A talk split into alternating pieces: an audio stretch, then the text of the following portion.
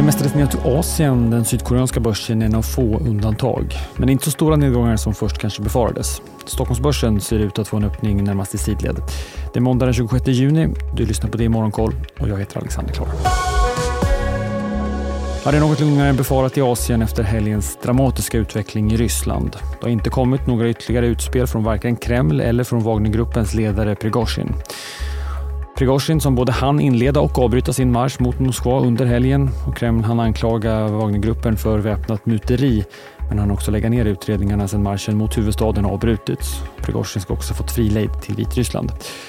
Tokyobörsen och Hongkongbörsen är svagt nedåt, minus 0,1 procent. Börserna i Fastlandskina backar lite mer, drygt en halv procent. Även på råvarumarknaden är reaktionerna relativt små även om det syntes en uppgång för oljepriset under helgen. Brentoljan har nu kommit ner och kostar drygt 74 dollar fatet. Om vi stannar kvar kring kriget i Ukraina så har Volvo Cars ägare kinesiska Geely svartlistats av Ukraina. Anledningen är att den kinesiska fordonsgruppen fortsatt säljer till Ryssland, något som Ukraina menar stödjer Rysslands aggression. I övrigt från Asien så tycker ledamöterna i den japanska centralbanken Bank of Japan att det är fortsatt lämpligt att fortsätta med landets ultralätta penningpolitik, däribland att kontrollera avkastningskurvan. Det framgår av protokollet från det senaste policymötet tidigare i juni.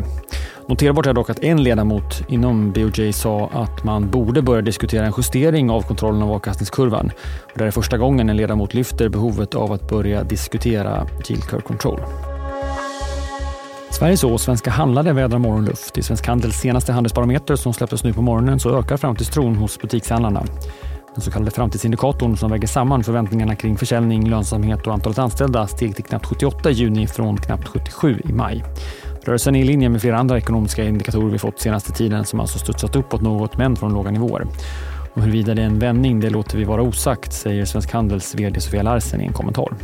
Men vi kan ju notera att vi fick flera preliminära inköpschefsindex under midsommarafton när det var stängt här i Sverige och utvecklingen den var svagt nedåt både för Europa och USA. Det hårdpressade fastighetsbolaget SBB är nära att sälja bolagets resterande 51 procent av samriksbolaget Educo till den kanadensiska kapitalförvaltarjätten Brookfield som redan äger 49 procent av bolaget som alltså innehåller SBBs utbildningsfastigheter.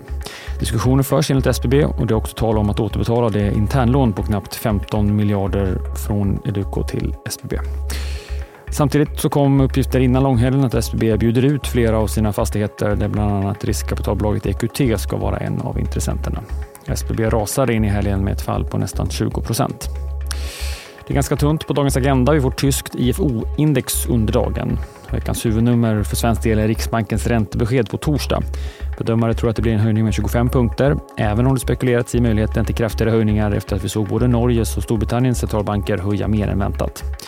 Vi får också en kvartalsrapport från H&M på torsdag som är i ropet just nu och så blir det en del inflationsdata från både USA och euroområdet under veckan. Missa inte Börsmorgon med start kvart i nio som tar er genom börsöppningen. Vi kan vänta eventuell press inom vindkraft efter att tyska jätten Siemens Energys stora ras innan helgen när det var stängt här. Dotterbolaget och vindkraftstillverkaren Siemens Gamesa har upptäckt ett produktionsfel som kan förkorta livslängden på sina turbiner. Aktien föll nästan 40 procent.